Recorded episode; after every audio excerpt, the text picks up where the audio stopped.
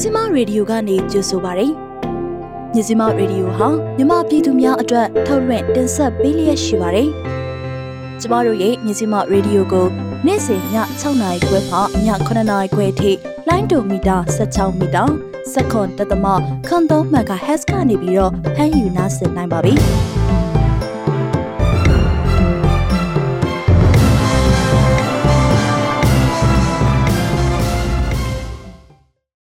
င်္ဂလာပါရှင်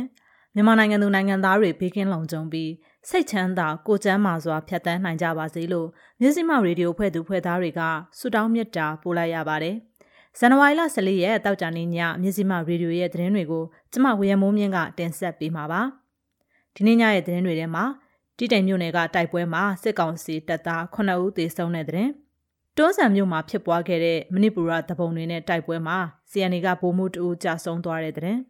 ကြည်စံတဲ့ဘုံတွေကြားရောက်မှုကြောင့်ထိုင်းစစ်တပ်ကမြန်မာဘက်ကိုပြန်လည်သတိပေးပစ်ခတ်တဲ့တဲ့။တနင်္သာရီမြို့နယ်မှာစစ်ဘေးရှောင်တွေကိုစစ်ကောင်စီကနေအိမ်ကိုအတင်းအကျပ်ပြန်ခိုင်းနေတဲ့တဲ့။စတဲ့သတင်းတွေကိုတင်ဆက်ပေးမှာပါ။သတင်းတွေအပြီးမှာတော့ဆက်သွယ်မေးမြန်းချက်စီးပွားရေးသတင်းတွေနိုင်ငံတကာသတင်းတွေနားဆင်ခန်းစားစောင်းပါများအစီအစဉ်မြစည်းမကျမ်းမာရေးအစီအစဉ်နဲ့ BNN ရဲ့အစီအစဉ်တွေကိုလည်းတင်ဆက်ပေးသွားဖို့ရှိပါတယ်ရှင်။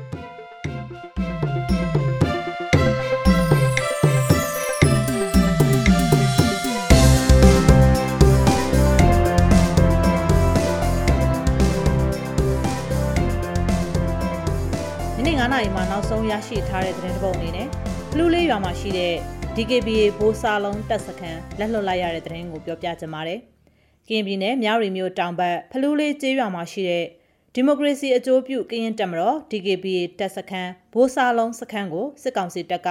မြေပြင်တက်ရောဝေဟင်ကပါလေကြောင်းနဲ့အင်အားသုံးတိုက်ခိုက်ခဲ့တာကြောင့်ဇန်နဝါရီလ14ရက်ဒီနေ့မွန်းလွဲပိုင်းမှာတပ်စခန်းကိုလက်လွတ်လိုက်ရတယ်လို့မြေပြင်သတင်းအရင်းမြစ်တွေကအတည်ပြုပြောပါတယ်။ DKBA တပ်စခန်းကျသွားတာပါသူတို့အဲ့ဒီနေရာမှာဝင်ပြီးနေရာယူလိုက်ပါပြီလို့မြေပြင်သတင်းအရင်းမြစ်တအူးကပြောပါတယ်စစ်ကောင်စီကအဆိုပါစစ်စခန်းကိုမနက်9:00နာရီအချိန်ကစပြီးလက်နက်ကြီးတွေနဲ့အချက်ပေါင်းများစွာပစ်ခတ်ပြီးနောက်မှာမွန်လွယ်ပိုင်းမှာရဟတ်ရင်နှစ်စီးနဲ့လေကြောင်းကပါထပ်မံလာရောက်တိုက်ခိုက်ခဲ့တာကြောင့် DKBA တပ်ဖွဲ့ဝင်တွေဟာဘိုးစာလုံးစခန်းကိုလက်လွတ်တပ်ဆုပ်လိုက်ရတာဖြစ်တယ်လို့မြစည်းမရဲ့နောက်ထပ်သတင်းအရင်းမြစ်တအူးကပြောပါတယ်။ဘိုးစာလုံးစခန်းက 2နာရီ15မိနစ်လောက်မှကျသွားတာပါမနက်ပိုင်းကစပြီးပြစ်ကြခတ်ကြတယ်နောက်တော့လေရင်တွေလာတယ်လေရင်နှစ်စီးကအပေါ်ကနေပစ်တာပါတဖြည်းဖြည်းစခန်းသားကိုရောက်လာပါတယ်စခန်းထဲကိုပစ်ထက်လိုက်တာပစ်ထည့်ပြီးတော့မြေပြင်စစ်ကောင်စီတပ်ဖွဲ့ဝင်တွေကအတင်းထိုးဝင်လာကြတာလို့နောက်ထပ်သတင်းအရင်းမြစ်တအူးကပြောပါတယ်တိုက်ပွဲအတွင်းမှာနှစ်ဖက်ထိခိုက်ကြဆုံးမှုရှိတယ်လို့သတင်းရရှိထားပေမဲ့မြစီမာကအတိမပြုတ်နိုင်သေးပါဘူးအဆိုပါ DKBA ဘိုးစာလုံးစခန်းအနီးနဲ့ဖလူးလေးကျေးရွာကို ပြီးခဲ့တဲ့ဇန်နဝါရီလ10ရက်နေ့ကစပြီးတော့စစ်ကောင်စီတပ်ကလက်နက်ကြီးတွေနဲ့ပစ်ခတ်တာလေကြောင်းနဲ့ထိုးစစ်ဆင်တိုက်ခိုက်တာတွေကြောင့်တိုက်ပွဲတွေပြင်းထန်နေပြီးတော့ဖလူးလေးကြီးရွာနေတချို့ဟာလက်နက်ကြီးထိမှန်ပျက်စီးခဲ့ရပါတယ်။လက်ရှိမှာတိုက်ပွဲကြောင့်ဖလူးလေးကြီးရွာကနေရမပြန်နိုင်သေးတဲ့စစ်ဘေးဒုက္ခတွေအများအပြားဟာတောင်ရင်မြစ်ကိုကူးဖြတ်ပြီးတော့တစ်ဖက်ကထိုင်းနိုင်ငံကိုထွက်ပြေးတိမ်းရှောင်နေကြရဆဲဖြစ်တယ်လို့သတင်းအရင်းမြစ်ကပြောပါတယ်။မြဝတီမြို့တောင်ဘက်ကလေးကိတ်ကော်မြို့တင်မှာ ဒီဇင်ဘာလ15ရက်နေ့ကစပြီးတိုက်ပွဲတွေဖြစ်ပွားခဲ့ပြီးတော့စစ်ကောင်စီတပ်ဖက်ကလက်နက်ကြီးပစ်ခတ်မှုနဲ့လေကြောင်းကနေလည်းပစ်ခတ်မှုတွေရှိနေတာပါ။ငញ្ញရင်မြို့တော်လေးကိတ်ကော်မြို့တစ်တိုက်ပွဲကြောင့်စစ်ဘေးဒုက္ခတဲ့ဥယျာဟာ16000ဝန်းကျင်ရှိနေပြီဖြစ်ပါတယ်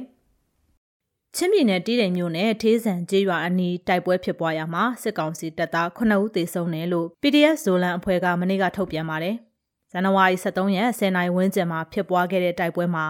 ကာကွယ်ရေးတပ်ဖွဲ့ဝင်တွေအထီးအခိုက်မရှိစုခွာနိုင်ခဲ့ပေမဲ့နေ့လယ်2နာရီမှာထေးဆန်ရွာအနီးကော်ဖီချန်ကလူနေအိမ်သုံးလုံးကိုစစ်ကောင်စီတပ်သားတွေကမိရှို့ဖျက်ဆီးသွားခဲ့တယ်လို့ထုတ်ပြန်ချက်မှာဖော်ပြထားပါတယ်။ဇန်နဝါရီ12ရက်နေ့ကစစ်ကောင်စီအင်အားတရာကျော်ဟာကလင်းမြို့ကထွက်ခွာလာပြီးတော့ချင်းပြည်နယ်ခိုင်ကန်းဂိတ်မှာခီးသွားပြည်သူတွေကိုသူတို့နဲ့အတူတွားခိုင်းတာကြောင့်ကာကွယ်ရေးတပ်ဖွဲ့တွေလှုပ်ရှားခွင့်မရဘဲနဲ့ထေးဆန်ရွာကိုရောက်ရှိပြီးညရီရနာခဲ့တာဖြစ်တယ်လို့ဒေသခံထံကနေသိရပါတယ်။ လက်ရှိအချိန်မှာတော့တိုင်းငင်းရွာမှာ CDM စေရင်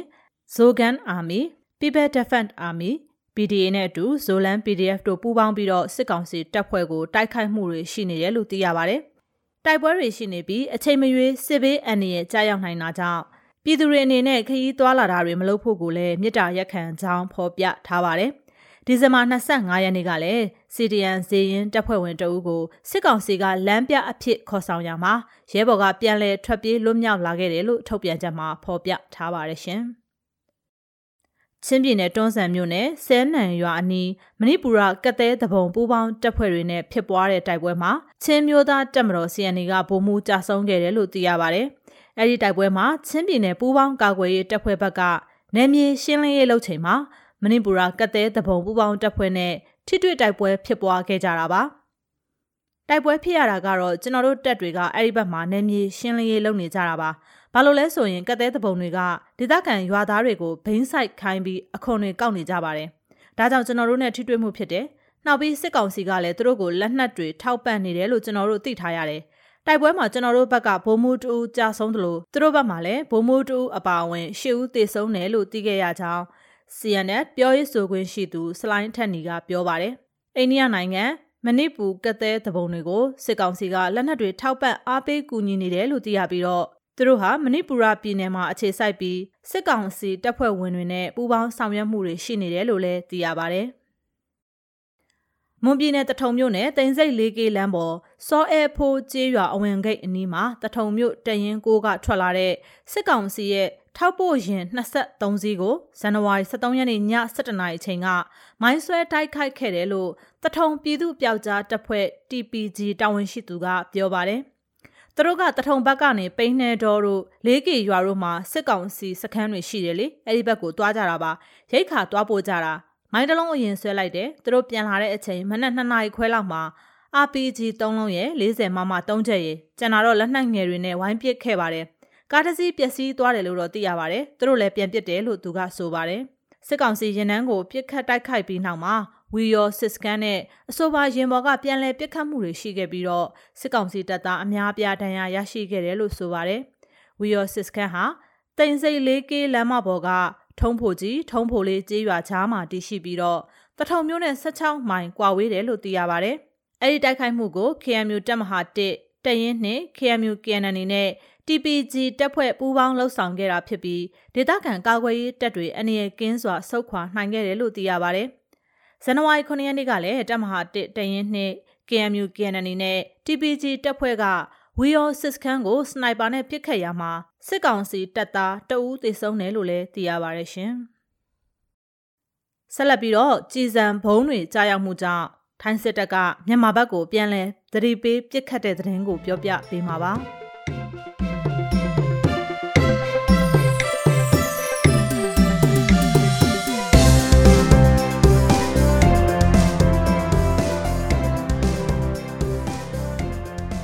ကင်ပြည်နယ်မြဝတီခရိုင်အတွင်းအကြမ်းဖက်စစ်ကောင်စီတပ်နဲ့ကင်တိုင်းရင်းသားလက်နက်ကိုင်အဖွဲ့ KMU တို့အကြားမှာတိုက်ပွဲတွေဖြစ်ပွားနေခဲ့ရမှာမြန်မာဘက်ကနေတနက်ကြည်စံတွေနဲ့ဘုံတွေဟာထိုင်းနိုင်ငံတက်ပြည်နယ်မှာရှိတဲ့ရွာတရွာကိုကြားခဲ့ပြီးထိုင်းစစ်တပ်ဘက်ကမြန်မာဘက်ချမ်းကိုပြန်လည်သတိပေးပစ်ခတ်ခဲ့တယ်လို့ဘန်ကောက်ပို့စ်သတင်းစာမှာဖော်ပြထားပါတယ်။ ထိုင်းမြန်မာနယ်စပ်အနီးကမြဝတီခရိုင်မှာအကြမ်းဖက်အာဏာသိမ်းစစ်တပ်နဲ့ KMU တပ်ဖွဲ့တွေအကြားဇန်နဝါရီ12ရက်နေ့ညပိုင်းကစပြီးတော့တိုက်ပွဲတွေဆက်လက်ဖြစ်ပေါ်နေခဲ့ပါတယ်။အကြမ်းဖက်စစ်ကောင်စီတပ်ဟာစစ်ကူနဲ့ရိတ်ခါဖြစ်တင်းမှုအတွက်လမ်းကြောင်းတစ်ခုဖွင့်လှစ်ဖို့တိုင်းရင်းသားလက်နက်ကိုင်တပ်ဖွဲ့ကိုလက်နက်ကြီးတွေနဲ့ပစ်ခတ်မှုတွေလှုပ်ဆောင်ထားခဲ့တာပါ။တိုက်ပွဲတွေကြောင့်နေဆက်အနီးကထိုင်းနိုင်ငံမဲဆောက်ခရိုင်ထဲကဒေသခံရွာသားတွေဟာဘေးကင်းရေးအတွက်ကရုတ်ကျင်းတစ်ခုထဲမှာပုံအောင်ရမှုတွေရှိနေခဲ့ပါတယ်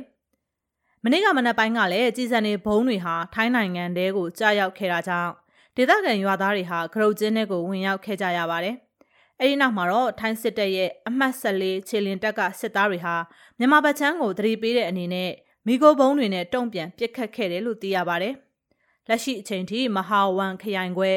ခေါ်ဝါမဟာဝမ်မိုင်မှာရှိတဲ့ယာယီခိုလုံရန်စခန်းတစ်ခုမှာမြန်မာဒုက္ခတဲ့1818ဦးဆက်လက်နေထိုင်နေပါတယ်။ တစ်ချိန်တည်းမှာပဲမြန်မာနိုင်ငံမှာရှိတဲ့အခြေအနေတွေပေါ်ကိုစိုးရင်ပူပန်ကြောင်းနဲ့လက်ရှိအခြေအနေတွေကြောင့် tag နဲ့မဲဟောင်းဆောင်မှာနေဆက်ဖြစ်လာတဲ့ဒုက္ခတွေတွေနဲ့တရားမဝင်ဝင်ရောက်သူဥယေတိုးပွားမှုတွေကိုဖြစ်နေတယ်လို့ထိုင်းအမျိုးသားလူ့အခွင့်အရေးကော်မရှင်အဖွဲ့ဝင်ဆူချက်စတာမယ်လီနီကပြောခဲ့ပါတယ်။ဖိတ်ခရိုင်တနင်္သာရီမြို့နယ်တကူကျေးရွာအုပ်စုအတွင်းကျေးရွာတချို့မှာပြီးခဲ့တဲ့ရက်ပိုင်းက PDF နဲ့စစ်ကောင်စီတပ်ဖွဲ့အပြန်အလှန်တိုက်ပွဲတွေဖြစ်ပွားခဲ့တာကြောင့်ဒေသခံ900နီးပါးဟာနေအိမ်စွန့်ခွာပြီးစစ်ဘေးရှောင်နေရတယ်လို့သိရပါဗျ။တနင်္သာရီမြို့နယ်တကူကျေးရွာအုပ်စုပြည်တန်တိုက်တိုက်ကန်မာယာချောင်းအင်လူစတဲ့ကျေးရွာတွေကဒေသခံတွေဟာစစ်ဘေးရှောင်နေကြရတာဖြစ်ပါတယ်။ဒေသခံ900နီးပါးဟာဥယျင်ချန်တွေနဲ့နှီးစပ်တဲ့အသိမိတ်ဆွေတွေရဲ့နေမှာပြောင်းရွှေ့နေရပြီးတော့စစ်ဘေးရှောင်စခန်းတီးတန့်မရှိသေးကြောင်း ဗမ်မလိုက်ပျောက်ကြားတပ်ဖွဲ့ကဆိုပါတယ်။လက်ရှိမြရချောင်းဖုန်ကြီးကျောင်းမှာစစ်ဘေးရှောင်100နီးပါးကိုဇန်နဝါရီ12ရက်နေ့ကစစ်ကောင်စီတပ်ဖွဲ့ဝင်အင်အား90နီးပါးကလက်နက်နဲ့ချင်းချောက်ပြီးတော့နေအိမ်တွေကိုပြန်ကြဖို့လာရောက်ဖိအားပေးခဲ့တယ်လို့စစ်ဘေးရှောင်ကူညီပေးနေသူတွေထံကနေသိရပါတယ်။တကူကြီးရွာအုပ်စုကမြရချောင်းဖုန်ကြီးကျောင်းမှာစစ်ရှောင်နေတဲ့ပြည်သူ100နီးပါးကိုစစ်ကောင်စီကနေအတင်းပြန်ခိုင်းနေပါတယ်။ နောက်ပြီးရွာသား2ဦးလည်းဖမ်းခံခဲ့ရတယ်လို့တကူကြီးရွာမှာနေတဲ့ဒေသခံတအုပ်ကပြောပါတယ်။အင်ဂျီတထောင်ကျော်ရှိတဲ့တကူကြီးရွာအုပ်စုအတွင်းကြီးရွာတချို့မှာစစ်ဘေးရှောင်တွေအတွက်စားနပ်ရိက္ခာနဲ့ကျန်းမာရေးစောင့်ရှောက်မှုတွေလိုအပ်နေတယ်လို့လည်းဒေသခံတွေထံကနေသိရပါဗျ။နောက်ထပ်သတင်းတပုတ်အနေနဲ့ခလာယာ268ကစစ်ကောင်စီတပ်သားဟာလက်နက်တွေနဲ့အတူ CMDF ထံကိုထွက်ပြေးခိုလုံလာတဲ့အကြောင်းကိုပြောပြပေးမှာပါ။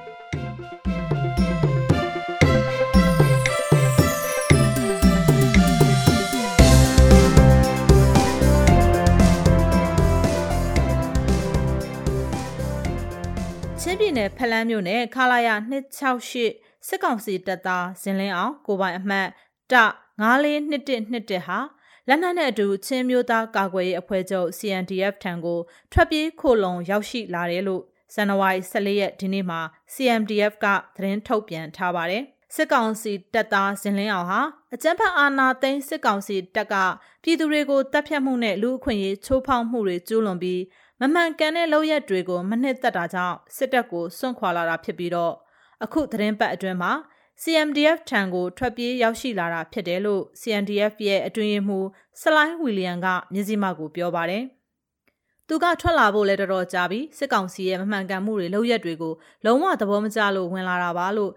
CMDF ရဲ့အတွင်းမှူးဆလိုင်းဝီလီယံကပြောပါတယ်။ထွက်ပြေးခိုလုံလာတဲ့စစ်ကောင်စီတပ်သားဇင်လင်းအောင်နဲ့အတူ MA1 တနက်တလက် ကြည်ပေါက်3ခုကြီးစံ200ဝန်းကျင်ပါဝင်ပြီးတော့လက်နက်နဲ့အတူထွက်ပြေးလာတာကြောင့်စုချင်းငွေချင်းမြင့်ပြီးတော့လွတ်မြောက်နယ်မြေကိုပို့ဆောင်လိုက်ပြီလို့ CMDF ကပြောပါတယ်။အခုနှစ်ဇန်နဝါရီသတင်းနှစ်ပတ်အတွင်းမှာချင်းမျိုးသားကာကွယ်ရေးအဖွဲ့ချုပ် CMDF ထံကိုထွက်ပြေးခိုလုံလာတဲ့ဖလန်းမြို့နယ်ရဲတပ်ဖွဲ့ကရဲတပ်ဖွဲ့ဝင်၄ဦးနဲ့အခုစစ်သားတအုပ်စုစုပေါင်း9ဦးရှိနေပြီဖြစ်တယ်လို့သိရပါဗျ။အားလုံးကိုကြိုဆိုပါရစေ။ဖြစ်နိုင်ရင်တော့လက်နက်တွေနဲ့အတူထွက်လာစေချင်ပါတယ်။ ကျွန်တော်တို့ဖိတ်ခေါ်ပါတယ်ပြီးတော့သူတို့ရဲ့လုံခြုံရေးကိုစိတ်ပူစရာမလိုပါဘူးဖလန်းမြို့နယ်မှာဆိုရင်မြို့ပေါ်ကလွဲပြီးတော့ကျန်တဲ့နေရာတွေအားလုံးနှိပါကိုကျွန်တော်တို့ထိန်းချုပ်ထားပါတယ်လို့ CMDF တပ်ဖွဲ့ကပြောပါတယ်ပြီးခဲ့တဲ့နှစ်အတွင်းချင်းမျိုးသားကာကွယ်ရေးအဖွဲ့ချုပ်ထံကိုလာရောက်အလင်းဝင်လာတဲ့စစ်ကောင်စီတပ်ဖွဲ့ဝင်ရဲနဲ့စစ်သား90ဝန်းကျင်ရှိခဲ့တယ်လို့လည်း CMDF ကမှတ်တမ်းတွေမှာဖော်ပြထားပါတယ် ချင်းဒေသကာကွယ်ရေးတပ်ဖွဲ့ဝင်တွေအားကောင်းရာဒေသဖြစ်တဲ့ဖလန်းမြို့ကိုစစ်ကောင်စီတပ်ကပြစ်မှတ်ထားပြီးလူနေအိမ်တွေခရီးရန်ဖျားကျောင်းတွေကိုအကြိမ်ကြိမ်မီးရှို့ဖျက်ဆီးခံနေရပြီးဒေသခံအများအပြားဟာလည်းဘေးလွတ်ရာကိုထွက်ပြေးတိမ်းရှောင်နေကြရပါတယ်။အာနာသိန်းစစ်ခေါင်းဆောင်ဗိုလ်ချုပ်မှုကြီးမယောင်လှိုင်တဲ့အဖွဲ့ဟာမင်းညပိုင်းကဗိတ်ကျွန်းစုရေတပ်စခန်းဌာနချုပ်ကိုရောက်ရှိနေတယ်လို့ဒေသခံတွေထံကနေသိရပါတယ်။ လက်ရှိမှာအာနာသိန်းစစ်ခေါင်းဆောင်အဖွဲ့ဟာကျွန်းစုမြို့နယ်ရေတပ်စခန်းဌာနချုပ်ကိုရောက်ရှိနေတယ်လို့သတင်းတွေထွက်ပေါ်ပြီးနောက်မှာဇန်နဝါရီ14ရက်နေ့ဒီနေ့မှာဗိတ်တစ်ဖက်ကမ်းမှာရှိတဲ့ပင်လယ်ပြင်မှာစစ်ရရင်လုံုံရေးချကင်းလှည့်နေတဲ့အပြင်ဗိတ်မြို့ပေါ်မှာလည်းစစ်ကောင်စီတပ်သားတွေလုံုံရေးအင်အားအများအပြားချထားတယ်လို့မြို့ကန်တွေထံကနေသိရပါတယ်။ဒါအပြင်သူ့ရဲ့ဗိတ်ခီးစဉ်ပေါ်မြို့ပေါ်ရက်ကွက်တချို့နေအိမ်တွေအနီးနဲ့လူသူမရှိတဲ့နေရာတွေမှာမနေ့က သက်ဆိုင်ရာစစ်ကောင်စီအဖွဲ့ရဲ့မျက်ကွယ်မှာရှိနေတဲ့ခြုံပုတ်တွေကိုရှင်းလင်းထားဖို့ကိုလည်းမြို့ခံတွေကိုလိုက်လံနှိုးဆော်အသိပေးထားတယ်လို့ဒေသခံတွေထံကနေသိရပါတယ်ရှင်။ရန်ကုန်မြို့မှာတပတ်အတွင်းပြည်သူ့ကာကွယ်ရေးတပ်ဖွဲ့ PDF အဖွဲ့ဝင်10ဦးလောက်ဖမ်းဆီးခံခဲ့ရပါတယ်။ဖက်စစ်စန့်ကျင်ရေးလက်ယုံတပ်ဖွဲ့ရဲ့လက်နက်ခဲယမ်းတွေဟာလည်းဒလန်သတင်းပေးတအူးကစစ်ကောင်စီလက်ထံကိုအနှံခဲ့တယ်လို့ဖာဆာလာတာကထုတ်ပြန်ထားပါတယ်။ စစ်ကောင်စီတပ်ကဖမ်းဆီးမှုတွေအရှိန်မြင့်ပြီးလှုပ်ဆောင်နေတာကြောင့်လုံခြုံရေးသတိပြုကြဖို့ကိုရန်ကုန်တိုင်းစစ်ဒေသကိုကဲရေးအဖွဲ့ပြန်ကြားရေးတာဝန်ခံဗိုလ်မှူးချုပ်ကပြောလိုက်ပါတယ်။မမေယူကတင်ဆက်ထားပါတယ်ရှင်။ရန်ကုန်တိုင်းမှာဖက်စစ်စန့်ကျင်ရေးလက်ယုံတပ်ဖွဲ့ရဲ့လက်နက်နဲ့ဖောက်ခွဲရေးပစ္စည်းတွေကစစ်ကောင်စီထံတလန်ကသတင်းပေးပြီးအနှင်းခဲ့တယ်လို့အဆိုပါအဖွဲ့ကသတင်းထုတ်ပြန်ထားပါတယ်။ လက်နက်ခဲယမ်းတွေကိုအရေးပေါ်ထားသူဖို့အတွက်ရန်ကုန်မြို့မြောက်ကလာပါမြို့နယ်ရွှေပောက်ကံမြို့သစ်16ရပ်ကွက်တောင်ငူလန်းကအဆောင်တစ်ခုမှာနိုင်ငံရေးအကျဉ်းသားဟောင်းမင်းလွင်ခေါ်ကြီးကန်းကလက်ခံခဲ့ပြီးနောက်စစ်ကောင်စီကိုတည်င်းပေးအနှံခဲ့တာဆိုပြီးလဲဖက်စစ်စန့်ကျင်ရေးလက်ယုံတပ်ဖွဲ့ကတည်င်းထုတ်ပြန်ထားတာပါ။ အဲ့လိုလက်နက်တွေသိမ်းဆည်းခံရပြီးတဲ့နောက်ပိုင်းရန်ကုန်တိုင်းက PDF လူငယ်တွေထောင်ချောက်ဆင်ဖမ်းဆီးခြင်းလဲခံနေရပါတယ်။ဒီအခြေအနေတွေနဲ့ပတ်သက်လို့ရန်ကုန်တိုင်းစစ်ဒေသကုကဲရေးအဖွဲ့ပြန်ကြားရေးတာဝန်ခံဗိုလ်မှူးချုပ်ကထောင်ချောက်ဆင်ဖမ်းဆီးမှုတွေကိုသက်ဆိုင်ရာအဖွဲ့တွေကိုတတိပေးထားတယ်ဆိုပြီးပြောကြားပါတယ်။ဟိုပစ္စည်းတွေဖမ်းပြီးတယ်ဆိုတာကတော့ဟိုကျွန်တော်တို့ရောင်းလိုက်စစ်တဲ့ကုကဲရေးအဖွဲ့ကပိုင်ဆိုင်တဲ့ပစ္စည်းတွေတော့မဟုတ်ဘူးပေါ့နော်။အဲတိကျယူနီအဖွဲ့တွေကလည်းတိကျစုဆောင်လာတဲ့ဘာတွေပဲ ဖြစ်သလားကျွန်တော်လည်းမသိမသိဘူးပေါ့နော်ဒီအချိန်နဲ့ပတ်သက်လို့တော့အဲ့ဒါတွေကဟိုပြောနိုင်တာတော့ကျွန်တော် PC တော့မဟုတ်ဘူးအဲသူတို့ဘယ်နေရာတွေကနေဘယ်သူတွေရှိရနေလဲဆိုတာမသိဘူးပေါ့နော်တိကျလှုပ်ရှားနေ UG ဖိုင်လည်းအများကြီးရှိတဲ့အခါကျတော့ဒီဥစ္စာလည်းကျွန်တော်ဖြစ်နိုင်တယ်လို့တော့ယူဆတာပေါ့နော်ဒီဒီအကောစင်ဒီထော်လို့စင်ပါတဲ့ပိစာတော့သူကငကိုလေးကလုံးဝတော့လောက်တဲ့ကဒီကျွန်တော်စစ်ကောင်စီကသူတို့ဖန်ဆီးရမိတဲ့သူတွေကို ဟိုလွတ်နေတဲ့ပုံစံမျိုးဖန်တီးရပါလေအလွတ်နေတဲ့ပုံစံဖန်တီးထားပြီးတော့မှသူကကျဲတဲ့ခွန်းဆက်တွေကိုရအောင်ဆိုပြီးတော့ဒီဖန်လာတဲ့လူတွေကိုတဲချက်လုပ်ပြီးတော့အဲဒီဒီတဲချက်သဘောမျိုးလုပ်ပြီးတော့ပေါ့လေအဲသူလိုက်လိုက်ဆက်တွေ့တယ်အဲဆက်တွေ့တိုင်းနဲ့ပေါ့ပြန်ပြီးတော့အာမှာဆိုတော့သူတို့ရဲ့ကိုယ်ရဲ့ဒီပေါ်ပေါ်ပေါ်လုပ်နေတဲ့ဟာမျိုးတွေတော့ရှိပါတယ်။ဒါနဲ့ပတ်သက်ပြီးတော့ကျွန်တော်တို့မတရားတော့ပြည်ပြည်ဟိုသက်ဆိုင်အောင်ဖွဲ့ပြီးအားလုံးကြီး အဲတတိထားဖို့အတွက်ကိုတတိပေးပြီးသားဖြစ်ပါတယ်အဲ့တော့ကိုကမြူဆွဲတာမျိုးပေါ့အာလက်နဲ့ရမယ်လက်နဲ့ရမယ်ဆိုဘယ်လိုလာခဲ့ပါပေါ့အစရှိတယ်မြူဆွဲပြီးတော့ခေါ်တယ်အဲတစ်ဖက်ကလက်နဲ့တို့ဒီလက်နဲ့ခရင်လိုအပ်နေတဲ့ဒီဒေါ်လာလှုပ်ရှားရဲ့အင်အားစုတွေကလည်းပဲလက်နဲ့ခရင်ကြားလို့ဆိုတယ်ပေါ့လေအဲငွေကြေးလိုလက်နဲ့ခရင်လိုမြူဆွဲပြီးတော့အဲဒီဒီအကွက်စင်ဖန်စီမှုတွေလည်းရှိနေပါတယ်ဒါတွေလည်းကျွန်တော်တို့သက်ဆိုင်ရာဒီအင်အားစုတွေကိုတက်နိုင်လို့တတိပေးတာတွေလှုပ်ဆောင်ပြီးဖြစ်ပါတယ် ရန်ကုန်တိုင်းမှာအဖွဲ့ငယ်ပေါင်းများစွာနဲ့လူငယ်တွေဟာပျောက်ကြားစစ်စင်ရေးကိုလှုပ်ဆောင်နေတာဖြစ်ပြီးတော်လန်ရေးလှုပ်ရှားမှုမှာကြုံတွေ့နေရတဲ့အခက်အခဲတွေကိုပုံမိုးချုပ်ကနေပြောပြသွားတာပါရှင်။ကျမတို့ရဲ့မြစီမရေဒီယိုကိုနေ့စဉ်ညနေ6နာရီခွဲမှ9နာရီခွဲအထိတိုင်းတူမီတာ16မီတာစက္ကန့်တက်သမခွန်3မဂါဟက်စ်ကနေပြီးဖမ်းယူနိုင်နိုင်ပါပြီ။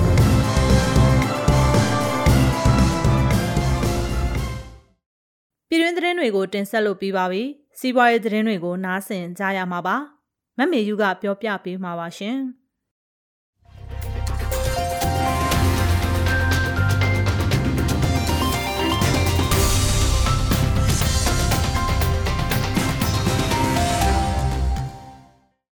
မင်္ဂလာပါရှင်ဒီကနေ့အတွက်ရရှိထားတဲ့စီးပွားရေးသတင်းတွေကိုစတင်နားဆင်ရပါတော့မယ် ဇန်နဝါရီလအတွင်းစစ်ကောင်စီဗဟိုဘဏ်ဟာဒုတိယအကြိမ်မြောက်အမေရိကန်ဒေါ်လာ15သန်းထပ်မံထုတ်ရောင်းပြန်တယ်ဆိုတဲ့သတင်းကိုနားဆင်ရမှာပါ။စစ်ကောင်စီရဲ့ဗဟိုဘဏ်ဟာဇန်နဝါရီလအတွင်းဒုတိယအကြိမ်မြောက်အနေနဲ့နိုင်ငံခြားငွေဈေးပြိုင်လေးလံနဲ့အမေရိကန်ဒေါ်လာ15သန်းကိုဇန်နဝါရီလ12ရက်မှာထပ်မံရှောင်းလိုက်ပြန်ပါတယ်။လေးလံအတွက်ပြန်မြငွေလဲနှုန်းဟာအမေရိကန်ဒေါ်လာကို1988ကျပ်ဖြစ်ပြီးပထမအကြိမ်ရောင်းချစဉ်လေးလံအတွက်ပြန်မြငွေလဲနှုန်းဟာအမေရိကန်ဒေါ်လာကို1988ကျပ်ဖြစ်ခဲ့ပါတယ်။ဒါကြောင့်2022ခုနှစ်ဇန်နဝါရီ1ရက်မှ12ရက်အတွင်းဗဟိုဘဏ်မှအမေရိကန်ဒေါ်လာတန်း30ရောင်းချခဲ့ပြီးပါပြီ။ဆီယနာသိမ်းပြီးတဲ့နောက်ပိုင်းဗဟိုဘဏ်ကဒေါ်လာထုတ်ရောင်းမှုအခြေအနေဟာ2021ခုနှစ်17လအတွင်းအမေရိကန်ဒေါ်လာ444တန်နီးပါးထိရှိခဲ့ပါတယ်။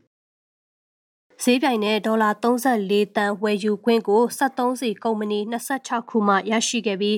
ဒီဇယ်စီကာလန်12တန်းကျော်ကိုအထူးဈေးနှုန်းနဲ့ရောင်းချပေးမယ်ဆိုတဲ့သတင်းကိုဆက်လက်နားဆင်ရမှာပါ။ဗဟိုဘဏ်ကနိုင်ငံခြားငွေဈေးပြိုင်လေးလံနဲ့ရောင်းချခဲ့တဲ့အမေရိကန်ဒေါ်လာတွေတဲ့34တန်းကိုဝေစုအနေနဲ့73စီကဏ္ဍကဝယ်ယူခွင့်ရရှိခဲ့တယ်လို့သိရှိရပါတယ်။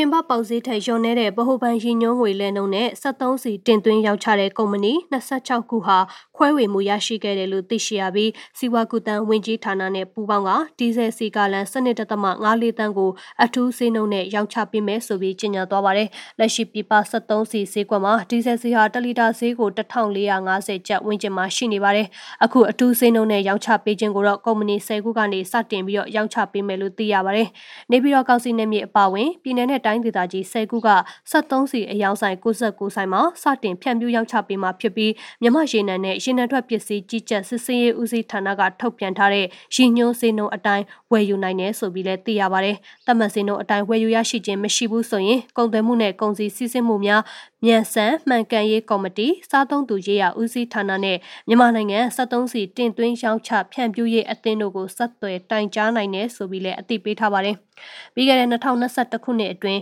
ဗဟိုဘဏ်အနေနဲ့နိုင်ငံခြားငွေဈေးပြိုင်လေးလံနဲ့ American Dollar 444တန်းကိုထုတ်ရောင်းခဲ့တာဖြစ်ပြီးစားအုံးစီ73စီစေဝါပစ္စည်းအဆရှိတဲ့နိုင်ငံခြားငွေအများအပြားသုံးစွဲရတဲ့လုပ်ငန်းတွေကခွဲတမ်းရရှိခဲ့တာလည်းဖြစ်ပါတယ်။အခုနောက်ဆုံးအနေနဲ့နားဆင်ရမှာကတော့ NLD အစိုးရလက်ထက်တင်ငိမ်ခဲ့တဲ့မုံရွာမြို့မြေယာဈေးကွက်ဟာ စစ်အာဏာသိမ်းပြီးတဲ့နောက်ပိုင်းဆေးများအစမတန်ထိုးတက်နေတဲ့တဲ့ရင်ကိုနာဆင်ရမှာပါစစ်အာဏာသိမ်းပြီးတဲ့နောက်ပိုင်းမြန်မာကျပ်ငွေမတည်ငြိမ်မှုဗန်စနစ်တွေရုပ်ရင်းမှုတွေကြောင့်စကိုင်းတိုင်းမုံရွာမြို့မှာအိမ်ချမ်းမြေဈေးတွေအစမတန်ထိုးတက်နေပါတယ်မုံရွာမြို့မှာအရင်က350ကနေ300ဝန်းကျင်ဈေးပေါက်ခဲ့တဲ့ တန်ဖိုးတင်မြေကွက်တွေဟာ350နီးပါးဈေးပေါက်နေပြီးအယောင်းဝယ်ဖြစ်နေတယ်လို့လည်းဆိုပါတယ်နနဝင်းရက်ကွက်စက်မှုနဲ့ချမ်းမြဝတီရက်ကွက်တွေမှာအတိကအယောင်းဝယ်ဖြစ်နေတာဖြစ်ပြီးနေရအကွက်ကွင်းကြရင်ကြသလိုဈေးခေါ်အယောင်းဝယ်တွေလုံနေတယ်ဆိုပြီးမုံရွာမြို့ကန်အိမ်ချမ်းမြေအကျိုးဆောင်တအုပ်ကဆိုပါတယ်မုံရွာမြို့ကန်ရဲ့ပြောဆိုချက်အရအချို့နေရာတွေမှာဆိုအိမ်ချမ်းမြေဈေးတွေဟာတဝက်နီးပါးတက်နေကြောင်းငွေဆက်ကူဟာတန်ဖိုးမရှိလို့ရှောင်းချင်တဲ့သူနဲပြီးတော့ဝယ်ချင်တဲ့သူများနေလို့ဈေးတွေအဆမတန်တက်နေရလို့ဆိုပါတယ်တန်ဖိုးတင်မြေကွက်တွေပဲအယောင်းဝယ်ဖြစ်တာများပြီးတန်မိုးကြီးမြေကွက်တွေကတော့အယောင်းဝယ်သိမ့်မဖြစ်ဘူးလို့လည်းဆိုကြပါတယ်။လက်ရှိမှာဝယ်ယူသူများနေပြီးရောင်းချလူသူနေပါနေကလက်ထဲငွေကင်ထားရမှာကိုစိတ်မချလို့အယောင်းပိန်နေရလို့လည်းဆိုပါတယ်။ NLD အစိုးရလက်ထက်ကမုံရမြို့ပြင်မှာနေရစီမံခန့်ခွဲမှုမူဝါဒတွေရေးဆွဲကကွက်တစ်တွေရိုက်ရောင်းချပေးခဲ့လို့တာမန်လူရန်စားတွေဟာကိုပိုင်အိမ်နဲ့နေဖို့လက်လန်းမိခဲ့တယ်လို့သိရပါတယ်။အာနာသိမ့်ပြီးနောက်ပိုင်းအရင်ကတည်ငြိမ်ခဲ့တဲ့မြေယာဈေးကွက်လည်းပျက်စီးသွားခဲ့တယ်လို့လည်းသိရှိရပါတယ်။မုံရမြို့ဟာစကိုင်းတိုင်းရဲ့မြို့တော်ဖြစ်ပြီးစစ်ကောင်စီရဲ့အနောက်မြောက်တိုင်းစစ်ဌာနချုပ်တရှိရာမြို့ပါစကိုင်းတိုင်းအတွင်းမှာဖြစ်ပေါ်နေတဲ့စစ်ရေးအကြမ်းဖက်မှုတွေကိုစစ်ကောင်စီကအနောက်မြောက်တိုင်းစစ်ဌာနချုပ်ကနေကုတ်ကဲနေရဖြစ်ပြီးစစ်ရေးအရလွှမ်းမိုးမှုရယူထားတဲ့နေရာလည်းဖြစ်ပါတယ်အနောက်မြောက်တိုင်းစစ်ဒေသမှာစစ်ကောင်စီကစစ်ရေးလွှမ်းမိုးမှုရအောင်စ조사နေပေမဲ့ဒေသခံ PDF တွေနဲ့ပျောက်ကြားစနစ်တုံ့ပြန်မှုတွေကြောင့်အသာစီးမရနိုင်ဖြစ်နေရပါ နိုင်ငံရေးစစ်ရေးမတည်ငြိမ်တဲ့အခြေအနေမှာစီးပွားရေးသမားတွေကလည်းဈေးကစားလို့မြေယာတန်ဖိုးတွေအဆမတန်ကြီးမြင့်လာတာဆိုပြီးလေလာသူတွေကသုံးသပ်ထားပါတယ်ဒီကနေ့အတွက်ရရှိထားတဲ့စီးပွားရေးသတင်းတွေကတော့ဒီလောက်ပါပဲရှင်ကျမတို့ရဲ့မြန်မာရေဒီယိုကိုနေ့စဉ်ညနေ6နာရီခွဲမှ9နာရီခွဲအထိတိုင်းတူမီတာ16မီတာစက္ကန့်တက်တမခွန်3မဂါဟက်စ်ကနေပြီးဖမ်းယူနိုင်နိုင်ပါပြီ။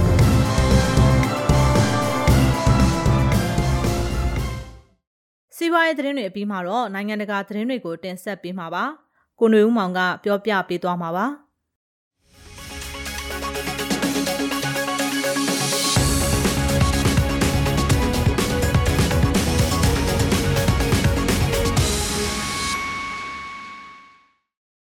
နေတိုးနဲ့ရုရှားတို့ဟာ January လ12ရက်ဗုဒ္ဓနေ့ကယူကရိန်းအရေးဆွေးနွေးပွဲအတွင်းဥရောပလုံခြုံရေးနဲ့ပတ်သက်လို့တက်တက်ဆင်အောင်သဘောထားကွဲလွဲနေကြပြီးယူကရိန်းကတပ်ဖွဲ့ဝင်တွေကိုပြန်လည်ရုပ်သိမ်းဖို့မဟာမိတ်တွေဘက်ကသမ္မတဗလာဒီမီယာပူတင်ကိုရာဇသံပေးထားပြီးနောက်ပိုင်းပဋိပက္ခကိုရှော့ချဖို့အတွက်ဆွေးနွေးပွဲတွေမှာပါဝင်လာခဲ့ပါတယ်။ ဘရက်ဆဲမှာရှိတဲ့ NATO ဌာနချုပ်မှာအကြီးတန်းကရင်မလင်တန်တမန်တွေနဲ့တွေ့ဆုံရမှာမော်စကိုအနေနဲ့ယူကရိန်းပေါ်ဩဇာပေးခွင့်မရှိသလိုမာမိတ်အဖွဲ့ဝင်ဘယ်နိုင်ငံကိုမှလည်းအမိတ်ပေးခွင့်မရှိတဲ့အတွက်ကျူးကျော်လာပါကကြီးကြီးမားမားပေးဆက်ရမယ်လို့ရာဇသံပေးလိုက်ပါတယ်ရုရှားပြောနေတဲ့လုံခြုံရေးအကြောင်းပြပြီးသူပါဝင်တဲ့ကိစ္စလားဒါမှမဟုတ်မူမမှန်တဲ့အကြောင်းပြချက်လားဆိုတာကိုဆုံးဖြတ်ရမှာဖြစ်ပြီးအခုထိအောင်မတဲကွဲသေးပါဘူးလို့ American လက်ထောက်နိုင်ငံသားရေးဝန်ကြီး Wendy Sherman ကပြောကြားခဲ့ပါတယ်။ ရုရှားလက်ထောက်နိုင်ငံသားရေးဝန်ကြီး Alexander Greshko က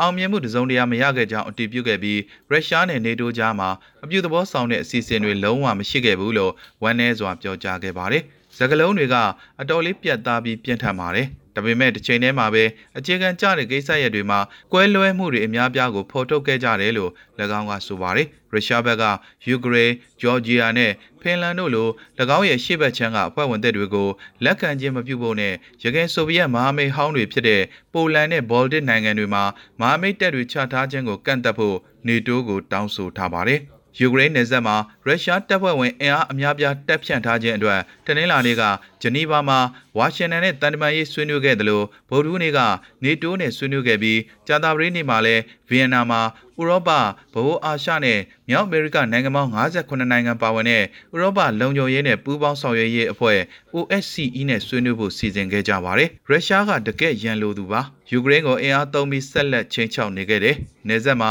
တပ်ဖွဲ့ဝင်တသိန်းလောက်နဲ့အမြောက်တွေတန်ကြပ်ကားတွေဒရုန်းတွေအပြင်တောင်းနဲ့ချီတဲ့အထူးတက်ခတ်ရေးတပ်ဖွဲ့တွေနဲ့အင်အားပြချင်းချောက်ပြောဆိုနေတယ်။အဲ့ဒါကပြဿနာပဲလို့နေတိုးမဟာမိတ်အဖွဲ့ရဲ့အတွင်းရေးမှူးချုပ် Jens Stoltenberg ကပြောကြားခဲ့ပါတယ်။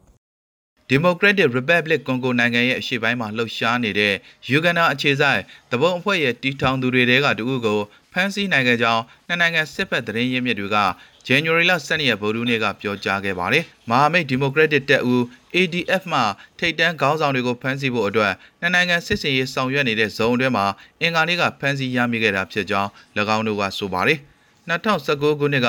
ADF အကြီးအကဲဟောင်းဂျမေးမူကူလူနဲ့ယင်းနေတဲ့ဘန်ဂျမင်ကစ်ဆိုကာရနီယိုကိုခီဗူတောင်ပိုင်းယူဗီယာမှာမနေ့ကဖမ်းဆီးခဲ့တယ်လို့အမည်မဖော်လိုတဲ့ကွန်ကိုစစ်ဘက်အစစ်မြစ်အရာရှိတူက AFP ကိုပြောပြပါတယ်။ယူဂန်နာစစ်တပ်ရဲ့ပြောခွင့်ရရိုနယ်ကာကာယန်ကူက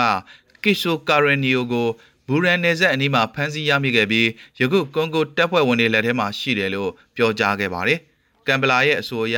ကစ်ဆိုကာရနီယိုဟာတပ်ထုကျွဲဝတဲ့ဒေတာတွေမှာလှုပ်ရှားနေတဲ့ ADF အတွက်ထောက်လန်းရေးဗန်နာရေးနဲ့ထောက်ပံ့ပို့ဆောင်ရေးတာဝန်ခံဖြစ်ပြီး ADF ဟာနိုင်ငံတွင်းမှာထိတွေ့သိမ်းမှုအများဆုံးဖြစ်စေခဲ့တဲ့လက်နက်ကိုင်အဖွဲ့ဖြစ်ပါတယ်။ခီဘူးမြောက်ပိုင်းမှာထောင်နဲ့ချီတဲ့တပ်ဖြတ်မှုတွေနဲ့ယူဂန်ဒါမှာမကြသေးမီကဘုံကွဲတိုက်ခိုက်မှုတွေအတွက်၎င်းတို့ကိုအပြစ်တင်ထားပါတယ်။ကေဆိုကာရနီယိုရဲ့ဖခင် B1 ဘေးက ကေဆိုကာရနီယိုဟာကွန်ဂိုအရှေ့ပိုင်းမှာအဓိကလှုပ်ရှားနေတဲ့မွတ်စလင်ပြည်သူစစ်တွေနဲ့ပူးပေါင်းပြီး1995ခုနှစ်မှာယူဂန်ဒါတဘုံအဖွဲ့စီကျူလာနာလူကိုတီထောင်ခဲ့သူဖြစ်ပါတယ်နုနယ်တဲ့ညွန့်ပေါင်းအစိုးရအတွက်နောက်ဆုံးစမ်းသပ်မှုအဖြစ်နဂျက်ဒဲကန်နာရအတွင်အငင်းပွားပွဲရာတစ်ပင်စိုက်ပျိုးရေးစီမံကိန်းနဲ့ပတ်သက်ပြီး BON မှာ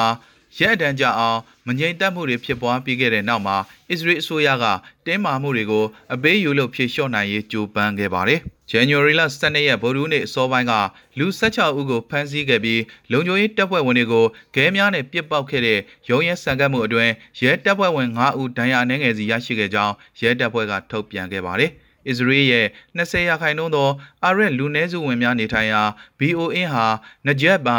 တစ်ပင်စိုက်ပျိုးရေးစီမံကိန်းကိုကာလတာရှည်စန့်ကျင်ခဲ့ပြီး၎င်းတို့ရဲ့အိမ်လို့ခေါ်တဲ့ဒေသများမှာအစိုးရရဲ့မြေယာသိမ်းပိုက်မှုများအဖြစ်ရှုမြင်ခဲ့ကြပါတယ်။ ဆယ်စုနှစ်နဲ့ချီအငင်းပွားမှုရဲ့နောက်ဆုံးမငြိမ်သက်မှုကလက်ရရေးဝန်ကြီးချုပ်နက်ဖတလီဘဲနဲ့ဦးဆောင်တဲ့အစ္စရေးရဲ့ညွန်ပေါင်းအစိုးရအတွက်အာယုံစူးစိုက်စရာအရေးတစ်ခုဖြစ်လာခဲ့ပါတယ်။ ဘဲနဲ့ရဲ့အစိုးရကဒီကိစ္စကိုနကြက်ဖြစ် BON မှာအဓိကနိုင်ငံရေးဥဆောင်မှုရရှိထားတဲ့ Islamic Ram Party ရဲ့ခေါင်းဆောင် Mansour Esbet ရဲ့ကြောတောင်နောက်ခံပြုမှုအဖြစ်ယုံကြည်ထားပါတယ်။တစ်ပင်စိုက်တာကိုရက်ဆိုင်ပြီး BON ခေါင်းဆောင်တွေနဲ့တရားဝင်ညှိနှိုင်းမှုမပြုလုပ်ပါကမိမိပါတီအနေနဲ့ညွန်မောင်းအဖွဲ့ကိုမဲပေးမှာမဟုတ်ကြောင်းအင်္ဂါနေ့မှာ Esbet ကအစ္စရေးရုပ်သံလိုင်းတွေ12သတင်းဌာနကိုပြောကြားခဲ့ပါတယ်။ တစ်ပင်စိုက်တာကလူတွေထက်ပိုအရေးမကြီးဘူးလို့ Expert က Twitter မှာရေးသားခဲ့ပါတယ်။လူမှုရေးဝန်ကြီးမီယာကိုဟန်ရဲ့ထုတ်ပြန်ချက်မှာစိုက်ခင်းတွေအတွက်ယမန်နေ့ကစညှိနှိုင်းမှုတွေပြုလုပ်ခဲ့ပြီးမနေ့ပြန်မှာစတင်ကအချိန်မြင့်ညှိနှိုင်းဆောင်ရွက်သွားမယ်လို့ဆိုပါတယ်။လက်ရရင်တဘာဝပတ်ဝန်းကျင်ဆိုင်ရာအရက်ဖက်လူအဖွဲ့အစည်းရီကာဘင်ကဘဲနဲ့အစိုးရကို Rand Party ရဲ့ချင်းချောက်မှုကိုစန့်ကျင်ပြီးတစ်ပင်စိုက်ပျိုးရေး project တွေအကောင့်ထဲပေါ်ရေးအတွက်အခိုင်အမာရပ်တည်ဖို့တောင်းဆိုခဲ့ပါတယ်။ အစ္စရေးနဲ့ဘူအိုအင်းဒေသကနေလူ3သိန်းဝန်းကျင်ရဲ့ထက်ဝက်လောက်ဟာတောင်ပိုင်းမိုးနယ်ရေရှားရက်ဝင်းနဂျက်မှာနေထိုင်ကြပါတယ်။၎င်းတို့ဟာမကြာခဏနေအိမ်များဖြိုဖျက်ပေးရမှုလျှက်စစ်မီရေနဲ့တန်ရှင်းအပါဝင်အခြေခံဝန်ဆောင်မှုတွေကိုလက်လန်းမမီမှုတွေကိုဖြည့်ရှင်းပေးဖို့အတွက် SBS ကဘဲနဲ့အစိုးရကိုကြောတောင်နောက်ခံပြုမှုနဲ့အကြက်ကိုင်းတောင်းဆိုထားပါတယ်။ ထုတ်လုပ်မှုကနေပြီးဝယ်လိုအားကများနေတယ်လို့အာလင်တန်ဗာဂျီးနီးယားယုံကကားအယောင်စန်တာပိုင်ရှင် Aurelian JB Gouliard ကပြောပါတယ်ကိန်းဂဏန်းတွေအရအမေရိကန်ရဲ့ကုန်စည်နှုန်းတွေဟာဆယ်စုနှစ်၄ခုအတွင်းအများဆုံးနှုန်းနဲ့ယမန်နှစ်ကစမြင့်တက်လာပြီးစီးရင်စရာများအရာဒီဇင်ဘာလမှာကားစည်းနှုန်းတွေ3.5ရာခိုင်နှုန်းနဲ့2021တစ်နှစ်လုံးအတွက်39.3ရာခိုင်နှုန်းခုန်တက်သွားခဲ့ပါတယ်။ ဒါဟာကက်ယောဂါကနေစီးပွားရေးပြန်လည်နလန်ထူလာဖို့ကြိုးပမ်းနေပေမဲ့သမ္မတဂျိုးဘိုင်ဒန်အတွက်ပြည်သူများရဲ့ထောက်ခံမှုကိုလျော့ပါစေမဲ့အင်အားကြီးငွေကြေးဖောင်းပွားမှုလှိုင်းကိုမိမောင်းထိုးပြနေတာဖြစ်ပါတယ်။အထူးသဖြင့်အိမ်ယာ ကားနဲ့စားသောက်ကုန်ပစ္စည်းတွေဈေးနှုန်းမြင့်တက်လာခြင်းကြောင့်ဒီဇင်ဘာလအထိအောင်12လတာကုန်စည်နှုန်းအညွှန်းကိန်း CPI မှာ900ခိုင်နှုန်းတိုးလာခြင်းဟာ1989ခုနှစ်ဇွန်လနောက်ပိုင်းအမြင့်ဆုံးဖြစ်လာပါတယ်။ပြီးခဲ့တဲ့နှစ်ဇန်နဝါရီလစတင်တာဝန်ယူချိန်ကလေးကဘိုင်ဒန်ဟာလျင်မြန်စွာကျေပြန့်လာနေပြီးကိုဗစ်ကြောင့်